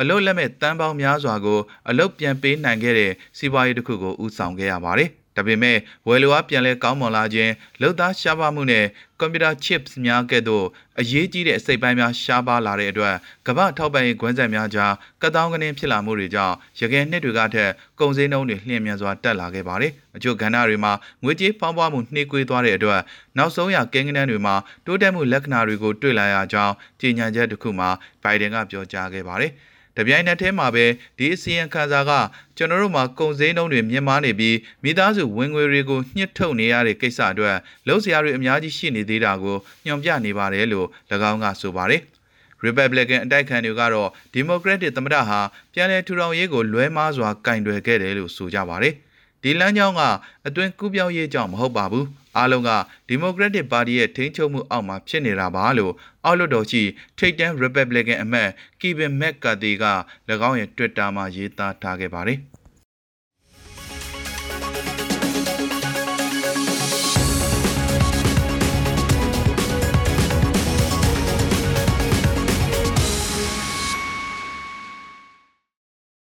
ဆက်လက်ပြီးတော့နားဆင်ခန်းစားဆောင်းပါးများအစီအစဉ်ကိုတင်ဆက်ပေးပါတော့မယ်။ စောင့်ဆိုင်ခြင်းရှုတ်ချခြင်းတွေနဲ့လူမဆန်တဲ့စစ်ဘေးနဲ့အယက်သားပြည်သူကာကွယ်ရေးပေါ်ဖြည့်ရှင်းနိုင်ပွဲမရှိဆိုတဲ့ဆောင်းပါးကိုကိုလင်းထက်ကတင်ဆက်ထားတာနားဆင်ရအောင်ပါ။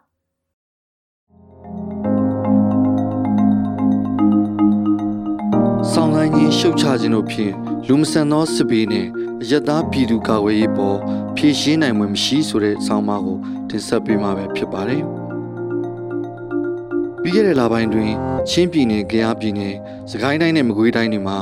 လေကြောင်းထိုးစစ်အပါအဝင်စစ်ကောင်စီရဲ့တိုက်ခိုက်မှုတွေကြောင့်ရက်သားတေဆုံးမှုကစံချိန်တင်ဖြစ်ခဲ့ပါတယ်။မြန်မာပြည်သူတွေလောင်မိကြနေချိန်မှာအာဆီယံအလှည့်ကျဥက္ကဋ္ဌ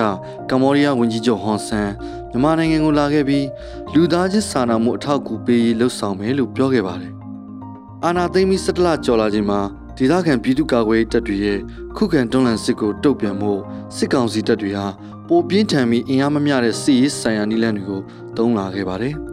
။ပြီးခဲ့တဲ့လအတွင်းကယားပြည်နယ်မှာစစ်ကောင်စီတပ်တွေရဲ့လက်ချက်ကြောင့်လူ35ဦးခန့်မိရှုတပ်ဖြတ်ခံရသလိုချင်းပြည်နယ်မှာလည်းအသက်73နှစ်အရွယ်ကလေးတူအပါအဝင်73ဦးတပ်ဖြတ်ခံရတဲ့ဖြစ်စဉ်တွေကိုတွေ့ရှိခဲ့ရပါတယ်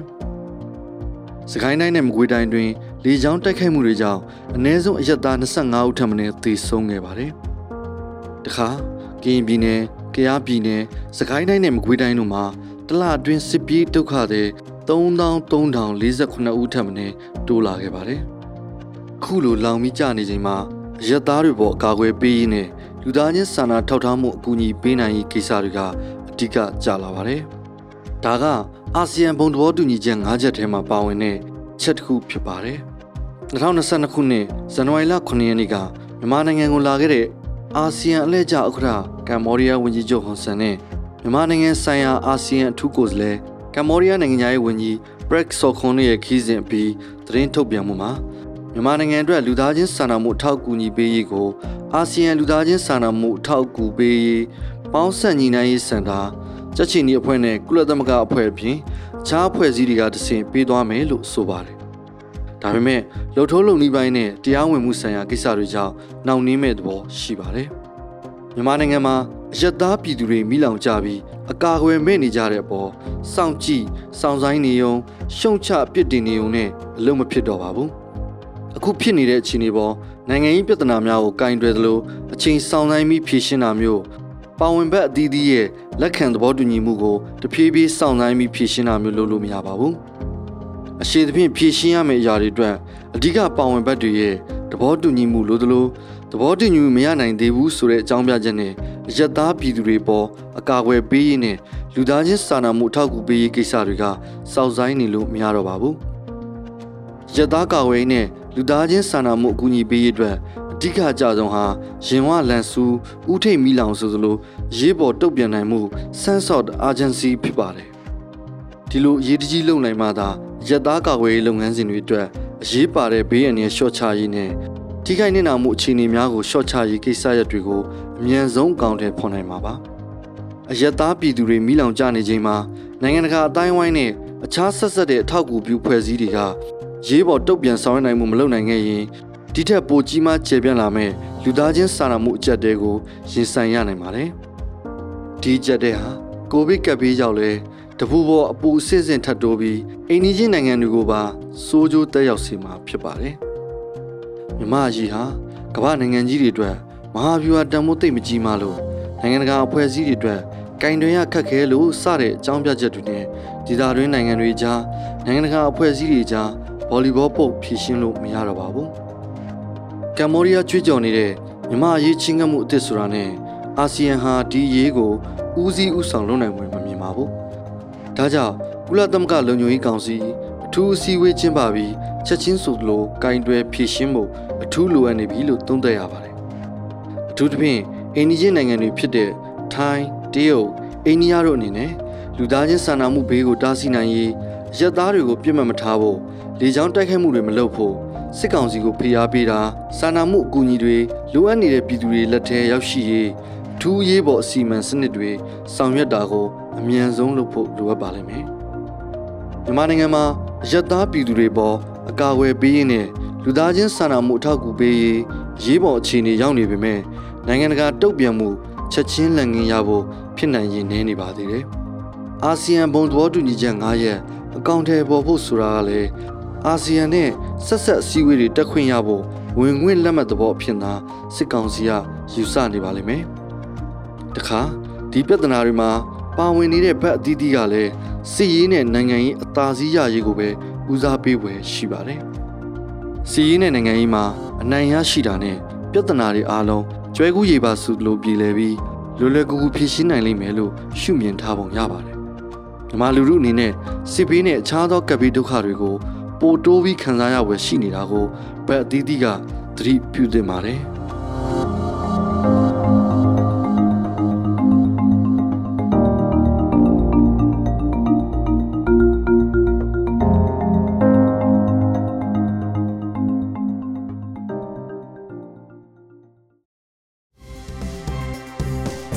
ကျမတို့ရဲ့မြစီမရေဒီယိုကိုနေ့စဉ်ညနေ6နာရီခွဲမှ9နာရီခွဲအထိတိုင်းတူမီတာ16မီတာ7.3တက်သမခွန်3မဂါဟက်စ်ကနေပြီးဖမ်းယူနိုင်စင်နိုင်ပါပြီ။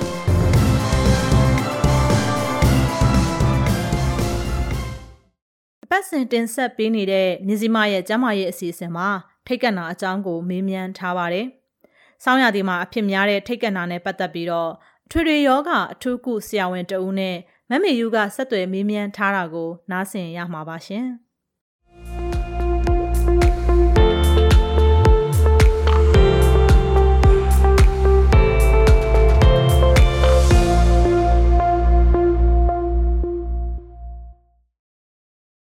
မင်္ဂလာပါဟုတ်ကဲ့ပထမဆုံးအနေနဲ့သိချင်တာကဒီထိတ်ခတ်နာဆိုတာဘာလဲဆိုတာသိချင်ပါတယ်ဒီယောဂဘာကြောင့်စဖြစ်တယ်လဲဘယ်ကနေစဖြစ်တယ်လဲဒါလေးသိချင်ပါတယ်ရှင် အကန်တာကိုဆရာတို့ကတော့အင်္ဂလိပ်လို sinusitis လို့ခေါ်တာပါနော် sinusitis ဆိုတော့ဒီနှာခေါင်းထဲမှာရှိတဲ့ဒီအကေအကေဆိုဒီအပေါက်လေးလေးရှိအပေါက်လေးလေးမှာအမုံဖြစ်ဖြစ်ဒါမှမဟုတ်ဒီဖြားလို့တည်းရမှာ infection ပဲဖြစ်ဖြစ်တခုခုအဲ့လိုသွားပြီးပိတ်ပြီးဆိုရင်ဒီအဲဟိုထိတ်ခတ်နာဖြစ်တယ်လို့ခေါ်ဘာကြောင့်ဖြစ်လဲဆိုတာကတော့ဒီຢာလေးအပြောင်းအလဲကြောင့်လည်းဖြစ်နိုင်တယ်နောက်တစ်ခုကတော့ဒီကိုယ်နဲ့မတည့်တဲ့ဒီအမုံလေးပေါ့ဒီ particle လေးဒီ allergy လေးကြောင့်လည်းဖြစ်နိုင်တယ် ဟုတ်ကဲ့နောက်တစ်ခုကပေါ့နော်ဒီထိတ်ခတ်နာကနာတာရှည်ဖြစ်နိုင်သလားပေါ့နော်အဲဒါလေးသိချင်ပါတယ်ဘာလို့လဲဆိုတော့တော်တော်များများမှာထိတ်ခတ်နာတစ်ခါဖြစ်ပြီဆိုသူတို့မှာအနံ့မရတော့တာတစ်ချိန်လုံးနှာခေါင်းကိုတရှုံရှုံလုံနေရတာအာဒါမျိုးတွေနဲ့ကြုံတွေ့ရတယ်လို့လည်းသိရပါတယ်အဲဒါကြောင့်မို့ထိတ်ခဏရေရှည်ဖြစ်နိုင်သလားသူ့ရဲ့လက္ခဏာတွေကဘာတွေလဲသိချင်ပါတယ်ရှင်အာထိတ်ခဏနာတာရှည်ဆရာတို့ဒီထိတ်ခဏယောဂနာတာရှည်ဖြစ်နိုင်လားဆိုဖြစ်နိုင်တာပေါ့ဥမာဒီထိတ်ခဏဖြစ်တယ်ဖြစ်တာကိုပေါ့ပေါ့နေတယ်တခြားမကူဘူး ဒီဖြစ်တဲ့အကြောင်းတခြားမကူရင်တော့ဒီနာတာရှည်ယောဂဖြစ်နိုင်ပါတယ်ဟုတ်ဘယ်လောက်ထိကြာကြာဖြစ်နိုင်တယ်လဲပြန်ကုလို့ရောရလားအဲ့လိုထိတ်ခဏဖြစ်ပြီးသွားပြီပေါ့နော်နာတာရှည်အနေနဲ့ဖြစ်ပြီးသွားပြီဆိုရင်ရောပြန်ကုလို့ရောရလားရှင်အော်နာတာရှည်လည်းဖြစ်ပြီးသွားရင်တော့ပြန်ကုလို့တော့ရတယ်ဒါပေမဲ့တခြားလေးကုသမယ်ပေါ့ဘယ်လောက်ထိကြာနိုင်လဲဆိုတော့ထိတ်ခဏပုံမှန်ဆိုရင်နှစ်ပတ်ကနေ3လလောက်ထိကြာနိုင်တယ်ဒါမှမဟုတ်ဒီ3လထက်ကြာပြီဆိုရင်ဆရာလာတာကို နာတာရှည်ထိတ်ခဏလို့ပြောရတယ်ပေါ့ထိတ်ခဏလက္ခဏာရှင်းပါတယ်ထိတ်ခဏထိတ်ခဏဖြစ်မယ်ဆိုရင်နှာခေါင်းတစ်ဖက်ပိတ်နေတာမျိုးလို့ဒါမှမဟုတ်နှာခေါင်းမှာဒီနာရီလေးကျနေတာမျိုးလို့တခါလေဟိုမှာထက်ကနာဖြစ်တဲ့လူလည်းမှာတော့ဒီထက်ကနာဖြစ်တဲ့အတွက်ဒီတခါလေ infection ကြောင့်ဖြစ်တယ်ဆိုရင်ဒီဟိုမှာဒီလူကစကားပြောရင်ပါဇက်ကနေအဲ့လိုအနှံ့ဆိုးလေးထွက်တာမျိုးလေးအဲ့လိုမျိုးဖြစ်တတ်တယ်တခါလေကျရင်လည်းပင်နာတာမျိုးနဲ့လည်းတွဲပြီးဖြစ်နိုင်တယ်ပေါ့ ဒီထက်ကနာဖြစ်တဲ့ဆိုတာလေဒီလက်လေးပါလေမတက်မရှင်းတဲ့လက်လေးနဲ့ဒီနှာခေါင်းလေးပါလေထိတယ်ထိတော့ဒီလက်မှာရှိတဲ့ဒီမကောင်းဒီအညစ်အကြေးလေးကနှာခေါင်းနဲ့ဝင်သွားတယ်ဆိုတော့တန်ရှင်းအောင်ဆေးမယ်နောက်တစ်ခုကတော့ဒီဟိုမှာဒီတုတ်ကွေးရာတွေရောက်ပြီဆိုရင်တုတ်ကွေးကောက်ွယ်ဆေးလေးထိုးမယ်ဖလူဖက်ဆင်းလေးထိုးမယ်ဆေးလေးမတောက်နဲ့ဆေးလေးတောက်တဲ့လူနာမှမနေနဲ့ပြီးရင်ဒီဆရာတို့ဒီအခန်းလေးထဲမှာအခုနောက်ပိုင်းခက်စားတဲ့ဒီအငွေးချုပ်ဆက်သွားရှိတယ်အငွေးချုပ်ဆက်လေးလေးထားထားမယ်ဆိုရင်ဒါ ဒီထိတ်ကနာကကွယ်ပေးနိုင်တယ်ပါကလေးလေးကတော့ရိုးရှင်းပါတယ်အဓိကတော့ကလေးလေးကဒီဟိုမှာဒီကလေးလေးဖြားရနားတယ်ဆိုရင်အေးမိတယ်ဆိုရင်ဒီအေးမိတဲ့နောက်မှာလိုက်တဲ့ infection ကြောင့်ပုံမွားလေးတွေကြောင့် bacteria ပုံမွားလေးတွေကြောင့်ထိတ်ခဏတော့ဖြစ်စေတာပါကလေးလေးအဓိကတော့အဲ့ဒါပါပဲပြီးနောက်တစ်ခုကတော့ဒီဆရာတို့ပတ်ဝန်းကျင်မှာရှိတဲ့ဒီ test test လို့ခေါ်တဲ့ဒီဖုံမုံလေးတခြားဒီ allergen ဒီတခြားမတည့်တဲ့ဒီဒီတန်းငွေလေးရှိမယ်အဲ့ဒါလေးနဲ့ထိတွေ့ရင်လည်းကလေးလေးမှာထိတ်ခဏဖြစ်စေတယ် နောက်စိနာပိတ်ဖြစ်ပြီးအတန်းမှာမရဘူးဆိုရင်တော့ဒါကဒီထိတ်ခဏဖြစ်တာလားဒါမှမဟုတ်ကလိုက်မှာကိုဗစ်ပဲဖြစ်နေလားဆိုတော့ဆရာတို့စမ်းတက်မှပဲသိနိုင်မှာပေါ့တော့ဆရာတို့ဒီဥမာကလေးလေးဥမာနှနှစိနာပိတ်တယ်အနည်းမရတော့ဘူးဆိုရင်တော့ကလေးလေးကလေးလေးကိုဒီ swab test လေးဖြစ်ဖြစ်စစ်ပြီးတော့ negative ဖြစ်တယ်ဆိုရင်တော့ဒါ covid မဟုတ်ဘဲနဲ့ဒါရိုးရိုးထက်ကနာဖြစ်နိုင်တယ်အဲ့လိုခွဲခြားလို့ရပါတယ်အာနောက်ဆုံးအနေနဲ့သိချင်တာကတကယ်လို့များထက်ကနာဖြစ်လာပြီဆိုလို့ရှိရင်ပေါ့နော်အခုလက်ရှိကာလကကျတော့ကျမကြီးဆောင်ရှောက်မှုနဲ့လည်းအနေနဲ့ကင်းကွာနေတဲ့ကာလဖြစ်တယ်ဆိုတော့ဘယ်များအဲ့လိုမျိုးဖြစ်လာပြီကလေးမှလည်းဖြစ်လာပြီလူကြီးတဲ့ရောမှလည်းဒီလိုမျိုးလက္ခဏာတွေပြနေပြီဆိုလို့ရှိရင်ဒီထိတ်ခဏနဲ့ပတ်သက်လို့ဘာဆေးတွေကိုအလွယ်ကူဆုံးအယိုးရှင်းဆုံးတောက်နိုင်မလဲဘယ်လိုမျိုးများနေထိုင်ပြုမှုသင့်တယ်လဲရှင်ထိတ်ခဏဖြစ်မယ်ဆိုရင်တော့ဒီကာလမှာဆိုရင်တော့ဥမာ ထိတ်ခဏလည်းဖြစ်မယ်ကိုယ်မှာအဖျားလေးရှိတယ်ကလေးမှာအဖျားလေးပါရှိမယ်ဆိုရင်တော့ဒီပါရာစီတမောလေးပေးနိုင်တယ်ဒါမှမဟုတ် ibuprofen လေးပေးနိုင်တယ်ဒါပေမဲ့ကလေးမှာတော့ဒီ aspirin လို့ခေါ်တဲ့ဒီဖျားကြစေတော့မပေးဘူးပေါ့နော်ဆရာပြောတဲ့ဒီပါရာစီတမောအရေးလေးပေးမယ်ဒါမှမဟုတ် ibuprofen အရေးလေးပေးမယ်အာလူကြီးအတွက်လည်းအတူတူပဲဥမာလူကြီးလေးလည်းဥမာတက်ကနာဖြစ်မယ်ဖျားနာဖျားနာနဲ့တွဲမယ်ဆိုရင်ဒီပါရာစီတမောလေးတောက်မယ်ပုံမှန်ဆိုရင်တော့ဆရာတို့ဒီဥမာနှာစီးနှာစီးရင်တောက်နေကြဖြစ်တဲ့ဒီ citron လောက်ပါလို့ပဲတောက်ရင်ရပါတယ် ဟုတ်ကဲ့ပါရှင်ဆရာခုလိုမျိုးဖြေချပေးရကျေးဇူးတင်ပါတယ်ဟုတ်ကဲ့ကျေးဇူးပါဒါကတော့မြစည်းမရဲ့ကျမ်းမာရေးအစီအစဉ်ကို တင်ဆက်ပေးသွားခဲ့တာပါအခုကတော့ BNI ရဲ့အစီအစဉ်တွေကို တင်ဆက်ပေးရမှာပါ BNI ဝိုင်းတော်သားတွေရဲ့တင်ဆက်မှုကိုနားဆင်ကြည့်အောင်ပါ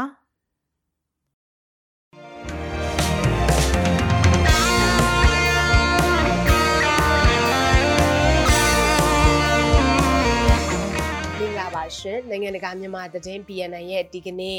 ဇန်နဝါရီလ14ရက်နေ့အတန်လွဲ့အစီအစဉ်တွေကိုစတင်နေပါပြီ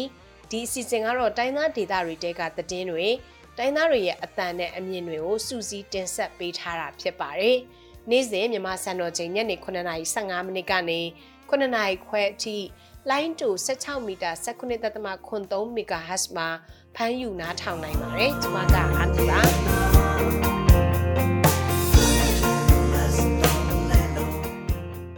ဒီနေ့မှကြားကြရမယ့်သတင်းတွေကတော့ KNU တပ်မဟာ9ကကရင်နယ်ကြားဆောင်တပ်တွေကိုစစ်ကောင်စီတပ်နဲ့ဆက်ပြီးတော့ပေါင်းနေရင်တိုက်ခိုက်တော့မယ်လို့ရာဇသံပေးလိုက်ပါတယ်စစ်ကောင်စီတပ်တွေရဲ့ဘုံကျဲတိုက်ခိုက်မှုတွေကြောင့်လိုက်ကော်မျိုးကအထင်ကြီးကက်သလစ်ဘုရားကျောင်းထိမှန်ပျက်စီးခဲ့ရပါတယ်နောက်ပိုင်းမှာတော့စကိုင်းတိုင်းအနောက်ဘက်ခြမ်းနဲ့မြောက်ဘက်ခြမ်းကတိုက်ပွဲတွေအကြောင်းကိုတင်ဆက်ပေးထားပါတယ်သတင်းတွေကိုတော့ကျွန်မနဲ့အတူဆိုင်းမွန်းကနေတင်ဆက်ပေးသွားမှာပါရှင်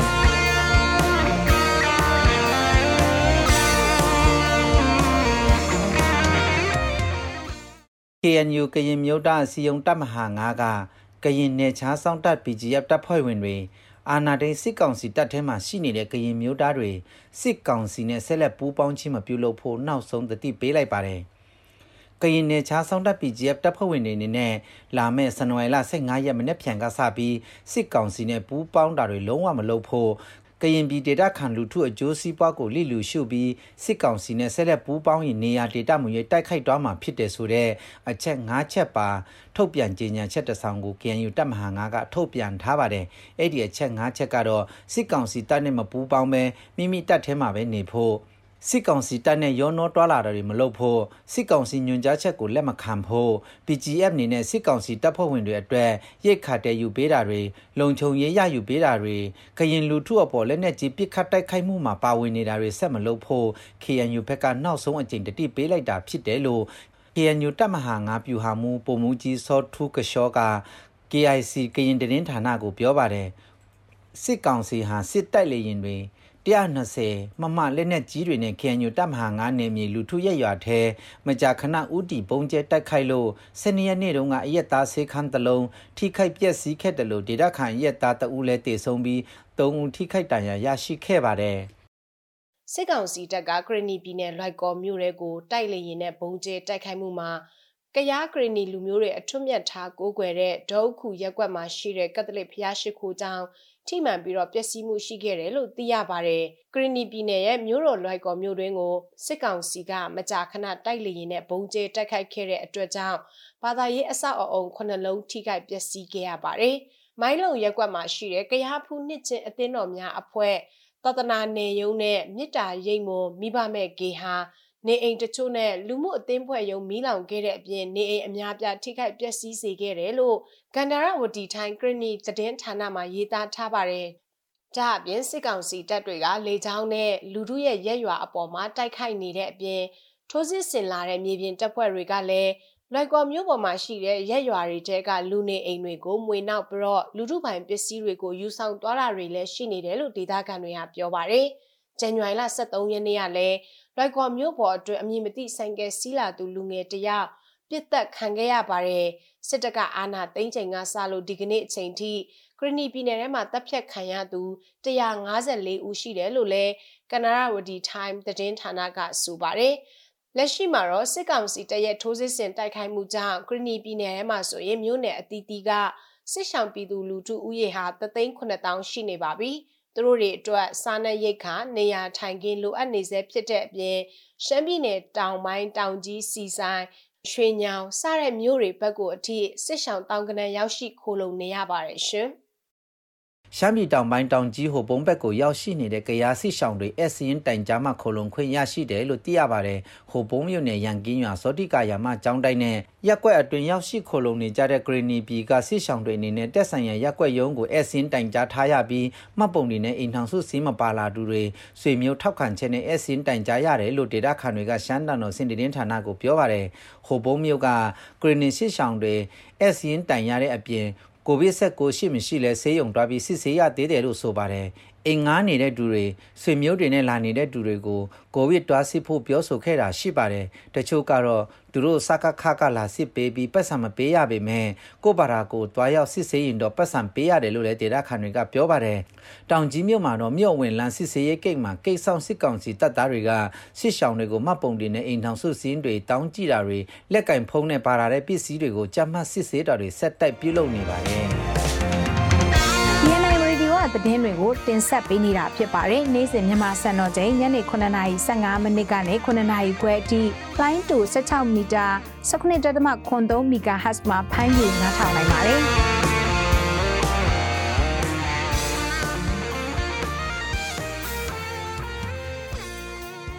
ဝင်းသူစော်ဘွားစောက်အောင်မြတ်ရဲ့ဆွေမျိုးတော်နေအိမ်ကိုစစ်ကောင်စီတပ်တွေက PDF တွေကိုရှာဖွေရဲဆိုတဲ့အကြောင်းပြချက်နဲ့ဖျက်ဆီးခဲ့တယ်လို့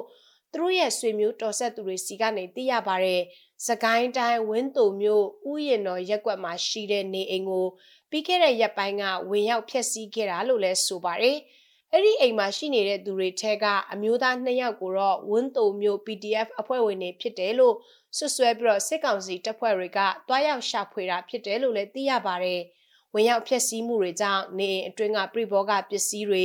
တကားတွေအဝတ်အစားထဲတဲ့တစ်တာတွေနဲ့ဗီယိုတွေပျက်စီးခဲ့တယ်လို့ရှမ်းနီသတင်းဌာနကရေးသားထားပါတယ်စစ်ကောင်စီတပ်တွေရဲ့ဒီလိုမျိုးလုပ်ရကြောင်းအဲ့ဒီမှာရှိတဲ့စော်ဘွားရဲ့ဆွေမျိုးတော်တွေကလည်းဒီကနေ့အချိန်ထိနေအိမ်ကနေထွက်ပြေးတိမ်းရှောင်နေကြရပါတယ်ဝင်းတို့စော်ဘွားစအောင်မြတ်ဟာ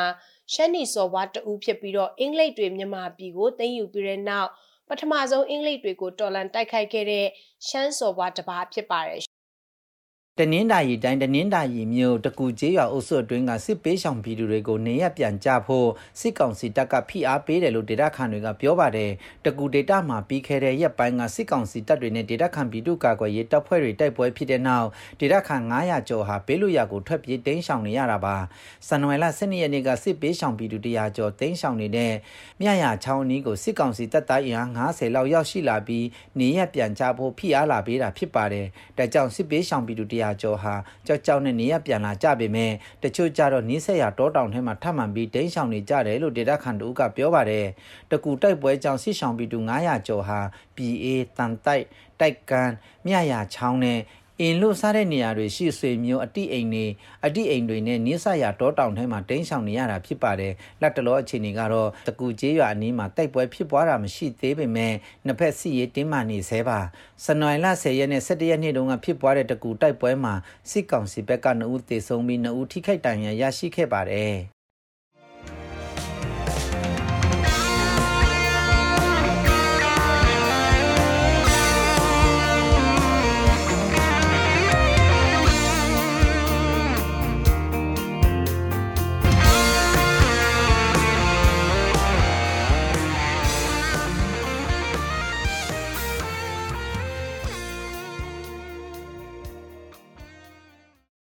ဆက်ပြီးတော့သတင်းပေးပို့ချက်တွေကိုနားဆင်ကြရမှာပါစကိုင်းတိုင်းကလေးမျိုးကနေ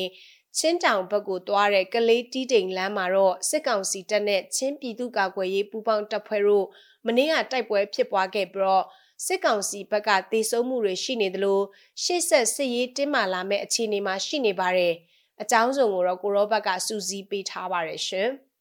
အိန္ဒိယမြန်မာနယ်စပ်အမှတ်နှစ်နယ်စပ်ကုန်သွယ်လမ်းကြောင်းဖြစ်တဲ့ကလေးတီးတိမ်ကားလမ်းပေါ်ကထေးဆောင်ကြီးရွာအနီးမှာဇန်နဝါရီလ23ရက်နေ့မနေ့ပိုင်းကစစ်ကောင်စီတပ်နဲ့ချင်းပြည်သူ့ကာကွယ်ရေးပူးပေါင်းတပ်ဖွဲ့တို့တနင်္လာနေ့ပါလောက်တိုက်ပွဲဖြစ်ပွားခဲ့ကြပြီးစစ်ကောင်စီဘက်က9ဦးသေဆုံးမှုရှိခဲ့တယ်လို့ CDM စီရင်တပ်ဖွဲ့ကတာဝန်ရှိသူတို့ကပြောပါတယ်ထေးဆောင်အကျော်အကျော်နားမှာတိုက်ပွဲဖြစ်တာနဲ့ဒီဆုံးမှုကတော့9ယောက်ပေါ့နော်။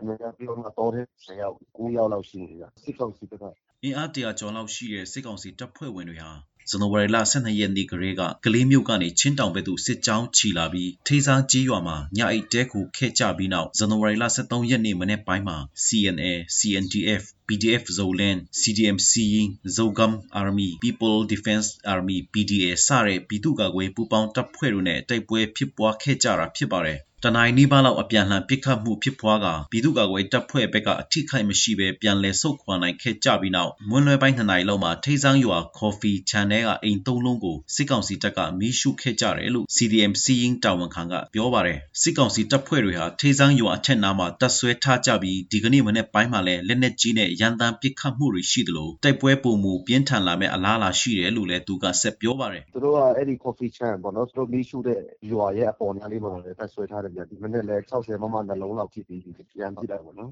မကြခင်မှာလည်းတိုက်ပွဲဖြစ်ဖို့ အခြေအနေရှိနေရပါတော့အခုသူတို့ကတပ်ဖြန့်ပြီးတော့မှတောထဲတူးလာတယ်ပေါ့နော်ကျွန်တော်တို့လည်းစောင့်နေတယ်မနေ့ကဖြစ်ပေါ်တဲ့တိုက်ပွဲကြောင့်ထိစားကြီးရွာပါဝင်အနီးနားကြီးရွာလေးရွာလောက်ကပြည်သူတွေဟာဘေးလွတ်ရာကိုထွက်ပြေးတိမ်းရှောင်နေကြရတယ်လို့လည်းသိရပါတယ်ကလေးတီးတိမ်ကားလမ်းဟာအိန္ဒိယမြန်မာနယ်စပ်ကုန်သွယ်ရေးမှာအတိကအသုံးပြုတဲ့လမ်းမကြီးဖြစ်ပြီးစစ်ရေးအခြေအနေကြောင့်ရင်လိုင်းပြေးဆွဲမှုတွေလည်းအကုန်ရပ်နားထားကြပြီးကုန်စည်စီးဆင်းမှုလည်းရပ်တန့်နေတယ်လို့သိရပါတယ်ခင်ဗျာ ကချင်စကိုင်းနယ်ဆက်ကတာနယ်တကြောမှာအခုရက်ပိုင်းတွင်စစ်ကောင်စီကလေကြောင်းတိုက်ခိုက်မှုတွေပြုလုပ်နေပါတယ်။ဇန်နဝါရီလ12ရက်နေ့နဲ့13ရက်နေ့တွေမှာတော့စစ်ကောင်စီတပ်ကလေကြောင်းတိုက်ခိုက်မှုတွေလှုပ်လာရမှာအရက်ဘက်အဆောက်အုံတွေအရက်သားတွေထိခိုက်မှုတွေရှိခဲ့ပါတယ်။အသေးစိတ်ကိုတော့ဆမ်နော်ကပြောပြပေးထားပါတယ်။ရှီကိုနဲ့ကတာမြို့နယ်ကြားအေယာဝတီမီကန်ဘေကဒီဒေတာမှာစစ်ကောင်စီတပ်ရဲ့စစ်ကြောင်းတကြောင်း ပိတ်မိနေတာကြောင့်အခုလူလေကြောင်းတက်ခိုက်မှုပြုလုပ်နေတာဖြစ်တယ်လို့ KOK ဘူဌာနချုပ်ပြန်ကြားရေးတာဝန်ခံဘူမကြီးနော်ဘူးကကချင်ဘာသာနဲ့အခုလူပြောပါတယ်อันนี้ได้กับพัชขึ้นได้ละมั่งงาเรียมเดียวก็ได้ก็ได้กาไม่เต้นขันกาบกาแล้วนะ langai la khong go ne ga chen de sky dai ga ta ma ka de la သူတို့နဲ့အပြစ်ရက်ဆက်ထားတာမရှိတော့ပြစ်ချင်တဲ့အချိန်သွားပြစ်တာပထမတစ်ခုပေါ့ နောက်တစ်ခုကသူတို့သခိုင်းကတာဘက်မှာစစ်ကြောင်းတစ်ကြောင်းသွားပိတ်မိနေတယ်လို့သိရပါတယ်ဒါကြောင့်ကျွန်တော်တိုက်ရင်ကနေမြေကိုလေရင်နဲ့လာပစ်တာတစ်ဆက်တည်းကျွန်တော်တိုက်ရင်6ကိုလည်းလာပစ်သွားတယ်အဓိကတော့သခိုင်းတိုင်းအဆက်ဘက်ကိုလာလာပစ်နေတာပေါ့လေ ba tung ka ba ka na san de ကချင်စကိုင်းနေဆက်ဖြစ်တဲ့ကချင်လူလရဲ့တမတော်ခရရဲ့တမဟာရှစ်အောက်တိုင်ရင်ငါနေမဖြစ်တဲ့ကတာမြို့နယ်မူတာကြီးကျေးရွာကချင်စုစတဲ့နေရာတွေမှာ January 7ရက်နေ့မွန်းလွဲပိုင်းကစစ်ကောင်စစ်တပ်ကလေနဲ့လာရောက်ပစ်ခတ်ခဲ့တာကြောင့်ကလေး၃ဦးနဲ့လူကြီး2ဦးထိခိုက်ဒဏ်ရာရခဲ့ပြီးတော့ပါရာရဲ့အဆောက်အဦတွေနဲ့နေအိမ်စေလုံးကျော်ပျက်စီးသွားပါတယ်စစ်ကောင်စီကအေယောက်တီမြစ်ကြောင်းအတိုင်းတင်ပေါ်နဲ့ကချင်ပြည်နယ်ဘက်ကိုစစ်ရခါတင်ပို့တဲ့အခါဒီဒေသမှာခြေဆက်တဲ့ KIA နဲ့ PDF တွေကပြစ်ခတ်တိုက်ခိုက်တာပုံမှန်ရှိနေပါတယ်။ဒါကြောင့်လည်းစစ်တပ်ကမြေကမ်းဘက်ကိုလက်နက်ကြီးပစ်ခတ်တာကြောင့် လူနေအိမ်ထိခိုက်မှုတွေလည်းရှိခဲ့ပါတယ်။ January 23ရက်နေ့နနက်8နာရီကျော်လောက်မှာလဲကတာ KI ထိကြမြို့နယ်မရသိန်းရွာတလျှောက်ကိုစစ်ကောင်စီကတိုက်လေရင်နဲ့ပုံကျဲတိုက်ခိုက်သွားပါတယ်။အခုလိုစစ်ကောင်စီဘက်ကသူစစ်စင်တိုက်ခိုက်မှုတွေပြုလုပ်တဲ့အခါအရက်သားနေအိမ်တွေကိုပါမခွဲခြားပဲပြစ်ခတ်နေတာကြောင့်ပြည်သူတွေအနေနဲ့ဂယုစိုက်ကြဖို့ဗိုလ်မှူးကြီးနိုဘူးကကချင်ဘာသာနဲ့အခုလိုဆက်ပြောထားပါတယ်။နေ 偏လာငူငါသူမျိုးကအနနာကေ偏နာနေငါ偏နေငါပြချယူနေငါမုံဆွာငါစစ်တပ်ကကျွန်တော်တို့ KIA ရှိတဲ့နေရာတစ်ခုကိုပဲကြည်တာမဟုတ်ဘူးပြည်သူတွေနေတဲ့နေအိမ်တွေကိုလည်းပြစ်တယ်ဒါကြောင့်လူထုတွေအနေနဲ့ပို့ပြီးတတိထားနေရပါမယ်အခုတော့စစ်အာဏာရှင်တွေကခြေလျင်စစ်ကြောင်းကိုအားပြုတာတိတ်မတွေ့ရဘူးဒါကြောင့်သူတို့ကလက်နက်ကြီးနဲ့ပစ်တာလေရင်နဲ့ပစ်တာပိုလုပ်တယ်ဒါကြောင့်ပြည်သူတွေအနေနဲ့လေရင်နဲ့လက်နက်ကြီးပစ်တာကိုပိုသတိထားရမယ်မရငါနာရဲ ဒါအပြင်မနေ့ကတရက်ချေနန်းနဲ့ပိုင်းမူးမလင်းခေလောက်မှာ KIA တမဟာကူနေမြေတိုင်ရင်6ဖြစ်တဲ့ရကန်ကောင်ဘက်ကိုစစ်ကောင်စီကတိုက်လေရင်နဲ့လာရောက်ပစ်ခတ်သွားတယ်လို့ KIO ဘက်ကပြောပါတယ်အလားတူပဲပြီးခဲ့တဲ့နှစ်ကုန်ပိုင်းကကချင်စကိုင်းနေဆက်ဖြစ်တဲ့မွန်းညင်းမြို့နယ်အင်ဒိုဂျီဒေတာ KIA တိုင်ရင်26နေမြေတွေမှာလည်းတိုက်ပွဲမဖြစ်ပေမဲ့စစ်ကောင်စီက ကျက်လေရင်နဲ့လာရောက်ပုံကျဲတက်ခဲ့တာတွေရှိခဲ့ပါတယ်ရှမ်းမြောက်ကေတမဟာ6အောက်တိုင်ရင်36နေမြေဖြစ်တဲ့မုံကိုမြို့နယ်ခွိုင်မုံဘော်ဒေသတွေမှာလည်းပြီးခဲ့တဲ့ January လ12ရက်နေ့ကစတင်ပြီး KIA နဲ့စစ်ကောင်စီတို့တပ်ပွဲဖြစ်ပွားနေပါတယ်ဒီကနေ့မိုးလဲတနင်္လာလောက်မှာတော့စစ်ကောင်စီကျက်လရင်တစီဟာလာရောက်ပြောင်းလဲခဲ့တယ်လို့ရှေ့တန်းက KIA ရေဘော်တူကပြောပါတယ်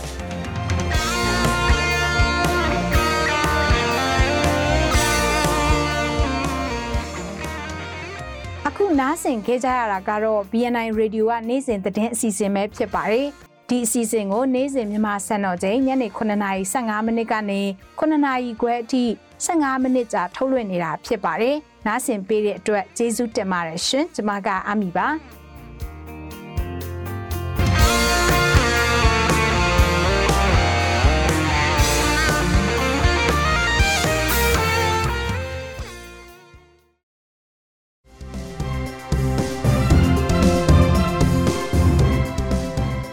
မြစည်းမောက်ရေဒီယိုရဲ့ဒီနေ့ညသတင်းတွေကတော့ဒီလောက်ပါပဲမြန်မာနိုင်ငံသူနိုင်ငံသားအပေါင်းဆရာနာရှင်ဘေးကနေကင်းဝေးပြီးကိုစိတ်နှပါကျန်းမာချမ်းသာကြပါစေလို့မြစည်းမောက်ရေဒီယိုဖွဲ့သားတွေကဆုတောင်းမေတ္တာပို့သလိုက်ရပါတယ်မြန်မာပြည်သူတွေနဲ့အတူရက်တည်မဲ့မြစည်းမောက်ရေဒီယိုပဲဖြစ်ပါတယ်နားဆင်ကြကြသူတွေအားလုံးကျန်းမာကြပါစေရှင်